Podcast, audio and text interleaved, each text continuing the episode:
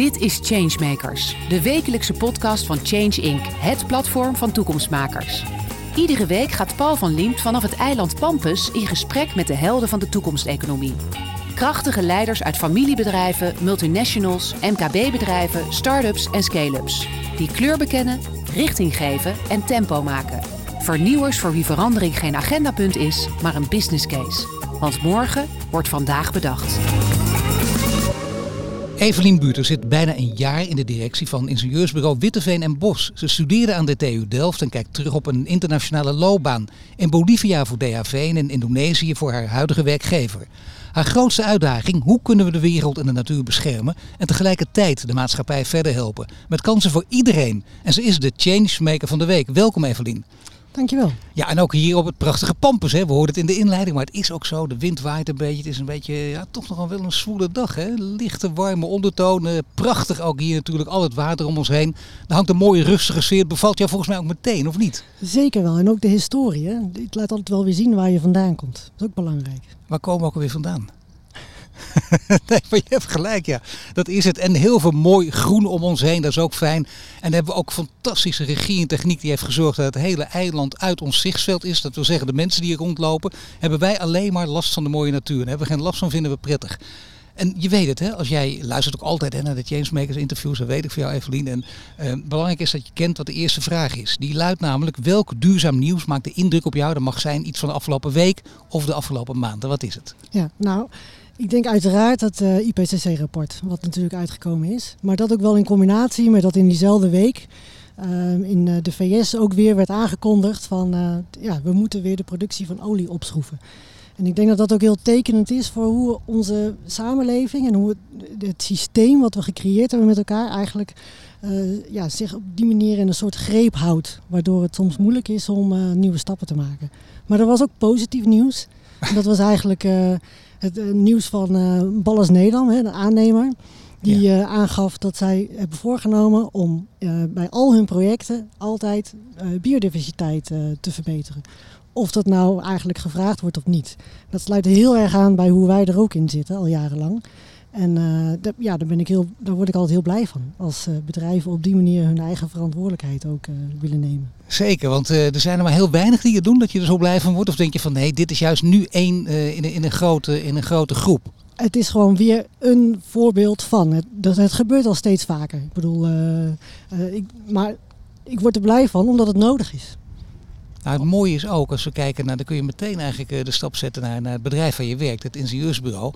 Uh, jullie zitten wel in de wereld van de infrastructuur, dat wil zeggen de wegen, uh, de havens. Ja. Uh, het, het, is een wereld waar, waar CO2 uit Zuid-Noord ver weg is natuurlijk. Absoluut. Dus dat betekent ook met opdrachtgevers kunnen dat moeilijke gesprekken zijn. Misschien terug te voeren op jouw eerste duurzame nieuws. Hè, waar altijd die wrijving nu ook bestaat. Maar goed, voorheen was die er niet. Dat ja. zijn natuurlijk logische stappen waar je misschien even doorheen moet.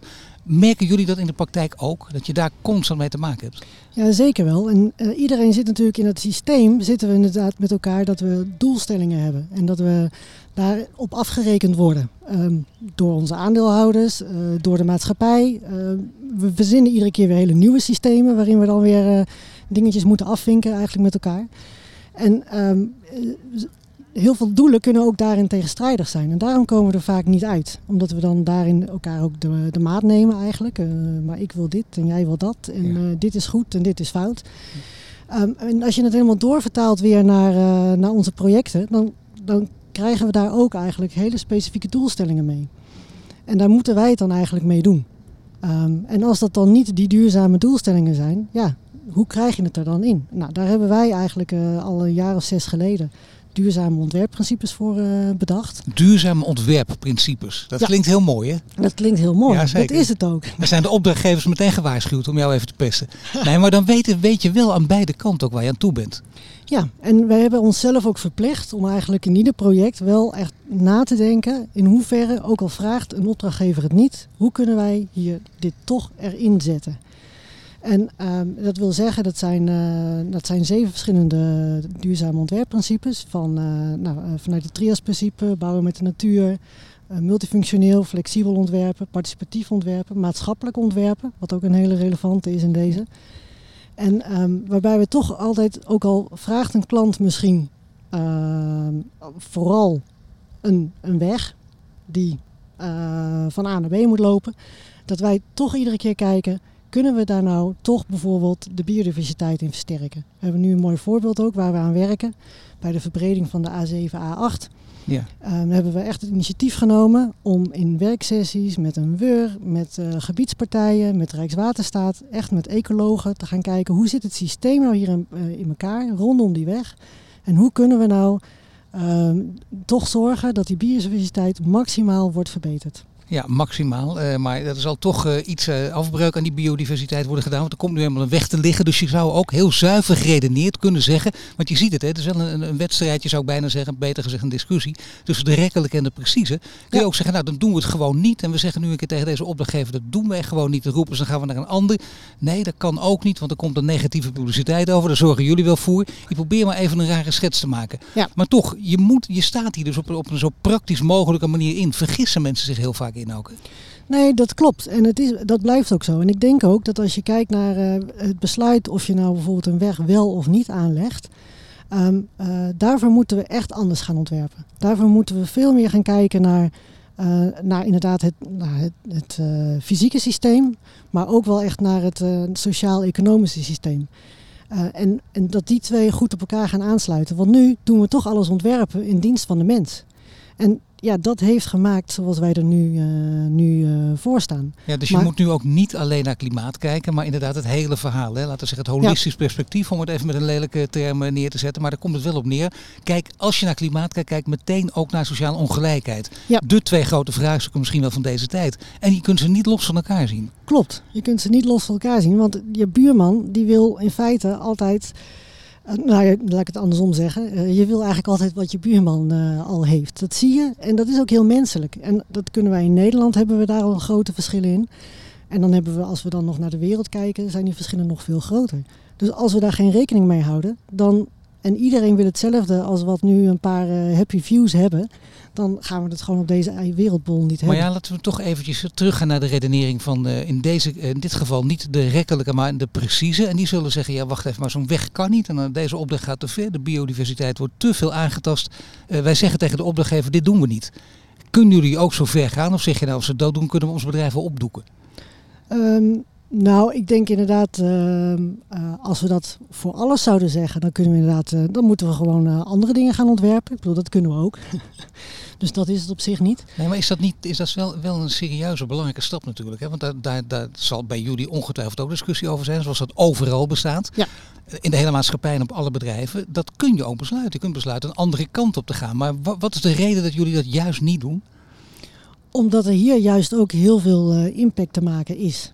En um, als wij inderdaad naar ons eigen bedrijf kijken, dan hebben we een bepaalde CO2-uitstoot. En dan kunnen we inderdaad, uh, uh, en dat doen we ook, ons best voor doen om die gewoon uh, terug te brengen naar nul. Maar um, uiteindelijk is wat wij doen in de projecten en waar, hoe wij bijdragen eigenlijk aan de, aan, de, aan de kwaliteit van de leefomgeving voor in Nederland, maar ook daarbuiten. En hoe we toch ook zorgen dat mensen ja, hun dingetjes daarmee kunnen hebben en een fijn leven kunnen hebben. Um, uh, daar valt ook nog zo ontzettend veel impact te maken. En dan, dat is soms inderdaad uh, toch genoegen nemen met uh, dat je niet het optimale resultaat eruit haalt wat je, wat je zelf misschien zou nastreven, omdat het binnen het project niet kan. Maar heel vaak kan het ook wel. En dat kan hem zitten in dat je inderdaad echt een, een heel ander ontwerp maakt, waardoor het er een korte tracé is. En, en, en gewoon zeker in het geval van tunnels gewoon veel minder beton nodig is. Het ja. kan ook zijn waar wij ook heel erg in investeren, is eigenlijk in het uh, veel meer automatiseren van de, van de ontwerpen. Waardoor je eigenlijk um, eerst maakt je, wij spreken drie varianten. En door het automatiseren kunnen we eigenlijk in dezelfde tijd kunnen we 100 varianten doorrekenen. En dan kun je dus op veel meer criteria kun je gaan optimaliseren. En dan kun je dus inderdaad ook zorgen dat je veel minder materialen gebruikt. Uh, uh, dat je andere materialen gebruikt. Omdat je Um, en daarmee eigenlijk dus je hele footprint uh, verkleinen. En die impact is veel groter dan ons eigen bedrijf. Nee, dat begrijp ik ook natuurlijk. Hè. De, de, de uitstoot bij je eigen bedrijf, dat is, dat is een ander verhaal. Dat is veel kleiner. Op deze manier kun je in samenspraak met, met opdrachtgevers hiertoe komen. Eh, opdrachtgevers zullen ook altijd kijken naar bijvoorbeeld hun aandeelhouders, naar, eh, naar eh, winstgevendheid. Daar kunnen ook nog wel eens wat botsingen zitten. Dus er zijn misschien toch momenten waarop je denkt, we stoppen met deze opdrachtgever. Ook al is het voor onze eigen portemonnee op korte termijn niet zo verstandig. Ja. wat, voor, wat voor trajecten, wat voor discussies gaan daaraan vooraf om tot zo'n beslissing te komen? hè? Dat je uiteindelijk zegt, we doen het niet. Ja, dat zijn inderdaad vrij intense ehm, processen. Waarbij ehm, inderdaad er mensen zijn die vinden dat op het moment dat je dat toch doet, je ook legitimiteit. dat hebben we ook wel in milieuprojecten. Dat als je nou inderdaad eigenlijk de troep opruimt van een bepaalde industrie, geef je dan legitimiteit aan die industrie om eigenlijk gewoon door te gaan. Of los je een milieuprobleem op. Ja. Ehm, ja, daar zijn inderdaad heel veel kanten van de medaille die je daarin. in. be- En wij, wat wij doen is dat wij niet een een eh, één rechte lijn hebben en heel duidelijk hebben gezegd: dit doen we wel en dit doen we niet. Maar wij voeren eigenlijk nu gewoon iedere keer dat gesprek.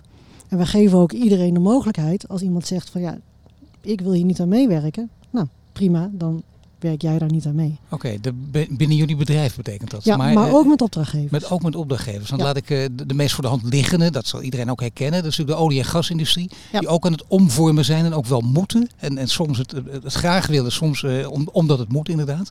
Dan kun je ook op, op, op hele moeilijke punten komen. Hè. Alle punten waar jij het eigenlijk nu over hebt. En soms kan dat samengaan. Of vind je van niet? Dat je, dat je hun troep opruimt, maar dat je toch ook hele grote stappen zet. Hè, Dus dat je in zekere zin meewerkt aan greenwashing, maar de impact is wel groot. En dan, dan kom je op een heel moeilijk. Dan kun je zeggen, nu wil Ja. ik principieel zijn. Daar gaat het om. En we leven in tijden van de grote ommekeer. Dan moet je dat ook doen. Of zeg je nee, jij, zeg jij hier ook? Nee, ook hier kunnen we liever met een opdrachtgever uitkomen. Dan maar een beetje greenwashing van die opdrachtgever. Wij proberen inderdaad daar met de opdrachtgever uit te komen. Ja, dat is eh, nu eh, onze. Het, de dialoog is toch uiteindelijk de weg naar de oplossing, eigenlijk. Maar hier kun je niet gaan overtuigen. Je kunt hier niet als dominee tegenover de ander gaan staan natuurlijk. Dat is ook heel raar in de verhouding tot de opdrachtgever. Maar hoe kun je die opdrachtgever dan toch verleiden om, om meer jullie richting op te gaan? Ja, dat is dan toch door eh, bepaalde technologie aan te bieden, door andere technologie aan te bieden, door slimmere oplossingen te verzinnen, door inderdaad te inspireren. En eh, we, we, dragen dan inderdaad, of zullen we eh, het eens een keertje op deze andere manier doen? Zijn jullie bereid om daaraan mee te werken? En op die manier, eh, en als dat inderdaad iedere keer die deur dicht gaat, dan kunnen wij zeggen, ja, dat, dat doen we niet. Maar kun je een voorbeeld geven? Omdat we daar echt van kunnen leren. En als je geen bedrijf wil noemen, moet je geen bedrijf noemen bij naam, maar wel het soort bedrijf. Waar het dan mis is gegaan. Waarvan je dus ook geleerd hebt. En dat je weet dat, dat we allemaal weten hoe lastig dit spel is. Mhm. Ehm, nou, een voorbeeld is wel ehm, eh, hoe. eh, je hebt in eh, Amerika heb je veel teerzandindustrie. En dat is natuurlijk enorm desastreus eigenlijk. En ook vooral het afval wat daar weer uitkomt is ook gewoon verschrikkelijk. We blijft daar heel lang liggen. En ehm, wij hadden een technologie waar, waarmee je dat eigenlijk zou kunnen opruimen. En toen is er ook heel lang een discussie geweest of we dat nou wel een goed idee vinden om dat te doen. Want, nou ja, dan kunnen ze dus ook gewoon weer daarmee doorgaan. Eh, want dan hebben we dat deel eh, opgelost. Ehm, we hebben dat toen in eerste instantie wel gedaan, omdat we echt het idee hadden van, nou, eh, wij kunnen verschil maken door die technologie. En dan uiteindelijk ruimen we gewoon wel echt het een en ander op. En alleen gaandeweg het project kregen we toch de indruk dat het ja, een deel greenwashing eh, toch was. Of dat het toch niet echt heel serieus was. En, eh, en ja, is op een gegeven moment eh, zijn we ermee gestopt. Ja, maar dat is, dat, dat is niet zomaar iets hè, wat je nu zegt. Want eh, dat, dat is heel makkelijk van, van de buitenkant om daar een, een mooi filosofisch verhaal over op te hangen. Ja. Maar dit gaat om de harde praktijk. Ook om de harde knikkers dus uiteindelijk. En ook om het voortbestaan van je bedrijf misschien wel. Hoe, ga, hoe valt dat binnen het bedrijf dan om, om hier nee tegen te zeggen? Want dat is nogal wat. Jij bent natuurlijk een van de directieleden. Daar gaan we ook nog over praten hoe je leiding geeft. Want dat is ook bijzonder. Maar toch, uiteindelijk zijn dat de mensen die de knoop doorhakken. Ja, maar het is wel, ehm, het is wel zo dat ehm, eh, een steeds groter deel eh, van de organisatie ook echt, eh, nou ja, zo niet iedereen, heel intrinsiek gemotiveerd is om echt een bijdrage te leveren aan een duurzame maatschappij. Dus ehm, uiteindelijk kunnen we verschillen van mening over de weg daar naartoe. Maar uiteindelijk willen we wel hetzelfde. Maar deze beslissing waar je het nu over hebt, hè, dat je tegen dit bedrijf zegt: nee, dit gaan we niet doen, dit gaat ons te ver. Dat betekent dus voor jullie ook, ook uh, inkomstenverlies. En misschien wel een groot inkomstenverlies. Hoe, hoe is dat dan uit te leggen? En hoe kun je dat voor jezelf ook uh, uitleggen? Ja, nou ja, in dit geval was dat dan niet een, een heel grote. Het heeft dan niet een hele grote impact. Oh, kijk, dat maar, scheelt. nee, ja. dat, ja. nee, dat kun je het makkelijk doen ook gewoon. maar het is, kijk, het is wel zo dat wij natuurlijk een. Uh, we hebben een heel divers portfolio ook. En er is ook gewoon heel veel ander werk te doen. Wat op, dus het is, ja, uiteindelijk, in, uh, werk is maar tijdelijk. Hè? Alle projecten zijn maar tijdelijk. Dus het is niet zo dat op het moment dat wij zeggen van nou, uh, dit doen we niet meer, dat we dan opeens in, uh, in zak en as zitten. En wij zijn altijd wel een heel flexibel bedrijf die toch weer zoekt naar nou ja, andere kansen en mogelijkheden. Nee, voor jullie is dat ook heel goed, lijkt me juist, zo'n zo'n uh, divers portfolio. Dan kun je inderdaad ook je eigen keuze maken. Maar het gaat ook om, om uh, het brede verhaal, het grote verhaal. Want dit bedrijf gaat dan, en dat is altijd het verhaal natuurlijk, hè, wat, wat speelt ook op een ander terrein op, of op andere terreinen. Dan gaan zij naar een ander toe en dan ge gebeurt het alsnog. Hoe ja. is de reactie van de opdrachtgever? Want het is, het is, ik vind het toch een mooi verhaal, omdat het natuurlijk ook niet zo gek vaak voortkomt. Dat je dan tegen je opdrachtgever, ook al gaat het dan niet om, om, om de, de, de allergrootste bedragen, dat je toch nee zegt om die reden. Wat, wat is dan de reactie van de opdrachtgever? Uh, nou ja, in dit geval was ik er eigenlijk niet bij, dus dat zou ik eigenlijk niet weten. Maar, maar het idee uh, nee, is dan wel ja. vaak, we gaan naar een ander toe, het maakt niet uit? Ja, ja, inderdaad. Dan zou je bijna kunnen zeggen, dan zou dit verhaal toch eigenlijk rugbaarheid moeten krijgen. Het hoeft niet, niet specifiek dit, maar dit soort verhalen. Omdat je anders een andere partij altijd die mogelijkheid biedt. En dan zeg je, nou dan misschien wel naming en shaming. Want oké, okay, wij doen het niet, maar kijk, zo'n ander gaat er wel mee in zee. En we hebben met z'n allen dit grote verhaal te vertellen. Dat, dat verstaan we onder vooruitgang. Ja, ja, kijk, en uh, dat is inderdaad wel, uh, dat is wel het grote dilemma. Want naming en shaming, daar hou ik ook niet zo van. Nee. Nee, want dat is toch... Uh, dan kom je ook niet verder. En bij de een, ja, het heeft misschien wel meer tijd nodig. En er is ook altijd wel weer een, een reden waarom uh, zij wel doen wat zij doen. En dat kan te maken hebben ook wel weer met uh, misschien wel uh, lokale banen voor de bevolking. Of dat kan. Zij ja. zitten ook vast in een systeem en hebben daar ook tijd voor nodig om dat te veranderen. Het jammer is dat we gewoon niet meer zoveel tijd hebben. Dus dat zie ik ook wel echt als een groot dilemma. Nee, maar zoals jij het nu zegt, is het ook, uh, dat, dat vind ik heel belangrijk. Want dan weet je wat de reden ook is. Maar er, er kunnen ook hele keiharde cynische redenen achter zitten. Die er heel lang ja, achter hebben gezeten. Klopt. En dan is het natuurlijk wel klopt. goed. Maar dan is het misschien inderdaad niet jullie taak. Maar dan is het eerder de taak van, van media bijvoorbeeld. Of anderen om daar iets aan te doen. Nou, maar je moet het niet steeds ook aan de rechter toch overlaten. Hè? Want dat zien nee. we nu toch makkelijk. De politici die hoorden beslissen. Het parlement hebben wij gekozen. Nee, die doen niks. En uiteindelijk de rechter. Of we laten het aan de ECB over. Als het over financiële problemen gaat. Het is natuurlijk een ander ja, verhaal. Nee, en ik vind het mooi dat je dat inderdaad zegt. Want dat klopt zo zien we dat ook wel, is dat iedereen heeft zijn eigen rol te spelen. En uh, ja. onze rol is in feite inderdaad om te zorgen dat uh, ja, die projecten die er, die er zijn om onze leefomgeving eigenlijk uh, in te richten, om die zo goed mogelijk te doen. Nu zei ik net, Eveline, jij bent één van de directieleden.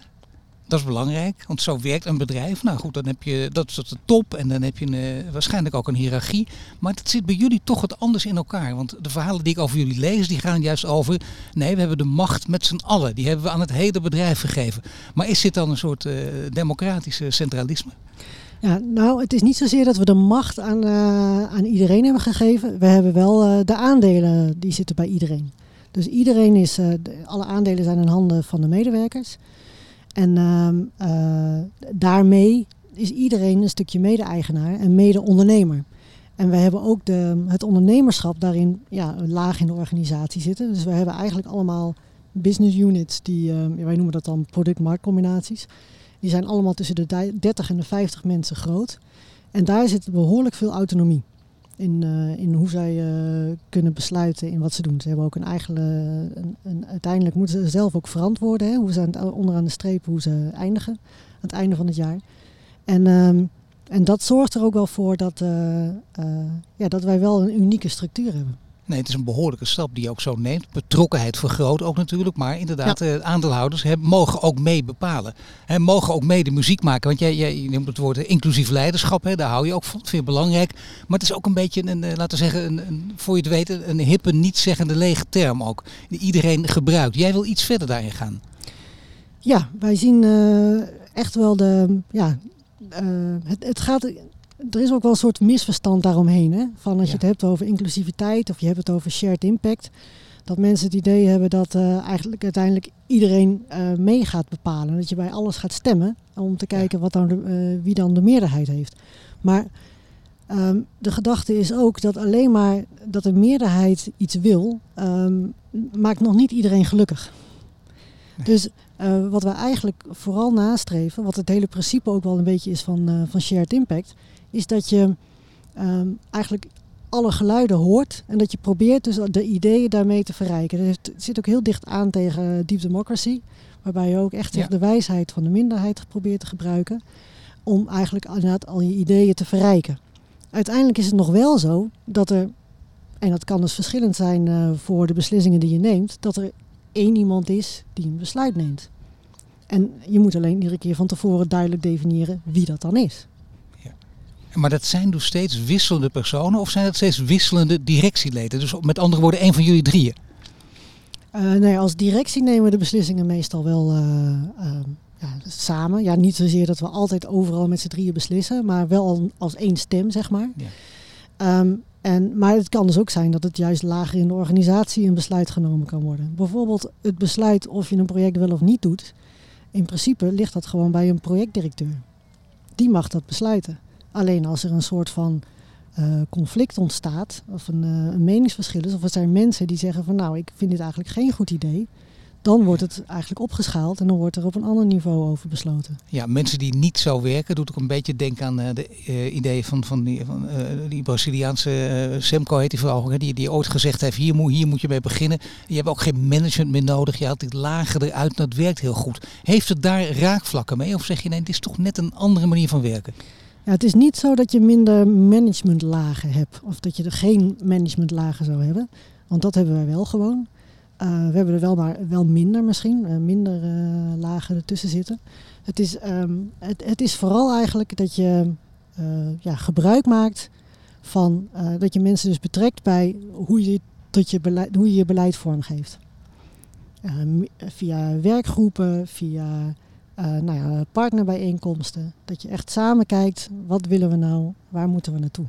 Wat zijn, uh, als jullie dit nu een tijdje gedaan hebben, dan, dan is er om de zoveel tijd ook evaluatie. Maar even kijken hoe dat werkt, wat, wat, wat, zijn de angels. Het is een nieuw systeem. Dit kan misschien voor heel veel anderen ook gaan werken. Het klinkt heel aantrekkelijk als je het zo brengt. Maar wat zijn hier de, wat zijn hier de laten zeggen, de hobbels die nog moeten genomen worden? Als, als anderen dit zouden willen overnemen, waar moet je op letten?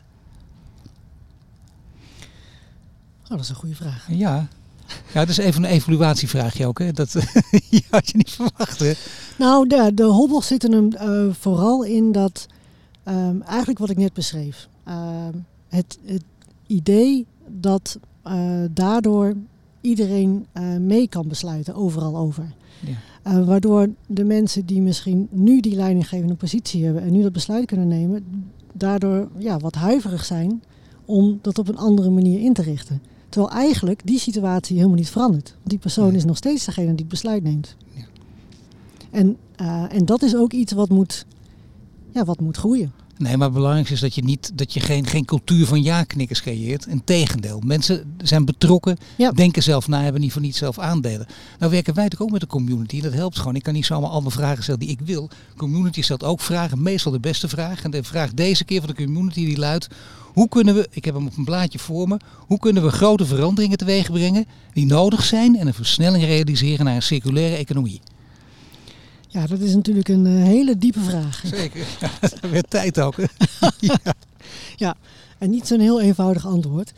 Maar mijn spontane antwoord is eigenlijk van, uh, dat we ja, moeten stoppen om elkaar de maat te nemen. En dat we veel meer moeten proberen elkaar te begrijpen echt te snappen waarom iemand iets doet en wat iemand wil.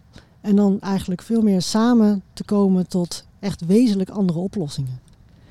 En het lijkt wel of hij de nieuwe minister-president aan het woord is ook. Hè? Die geprobeerd in tijden van polarisatie toch een wijs geluid te laten horen. Nee, maar echt. ja, nee, maar goed. Het is wel belangrijk. Ja.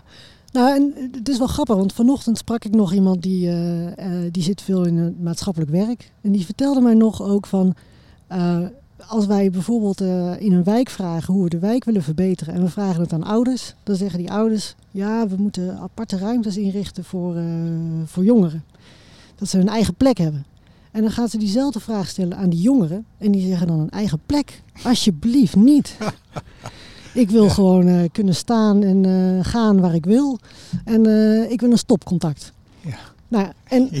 en hoe wij nu vaak toch ook komen tot wat is er nou inderdaad die oplossing? Moet er eigenlijk wel een weg komen? Of hoe willen we dit gebied inrichten?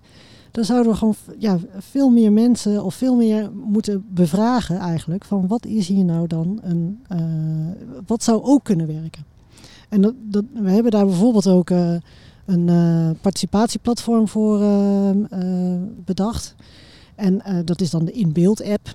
En die zetten wij nu ook in voor grote projecten. Dat je, en dat is ook een beetje versneld eigenlijk door het hele corona, hè, omdat iedereen nu thuis zit. Ja.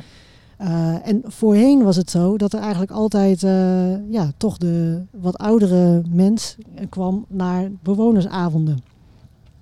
En dan kreeg je dus ook heel duidelijk één perspectief op de opgave. En bijna bepalend ook, hè? En die dan heel bepalend is, ja. ja. En te, je moest daar dan ook eigenlijk een uh, professor tegenover zetten, om die dan weer te overtuigen dat, dat het een goed idee was, of ja. niet.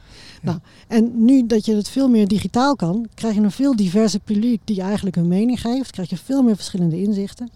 En uh, kun je dus ook echt, naar, en het levert soms echt wezenlijk andere oplossingen op.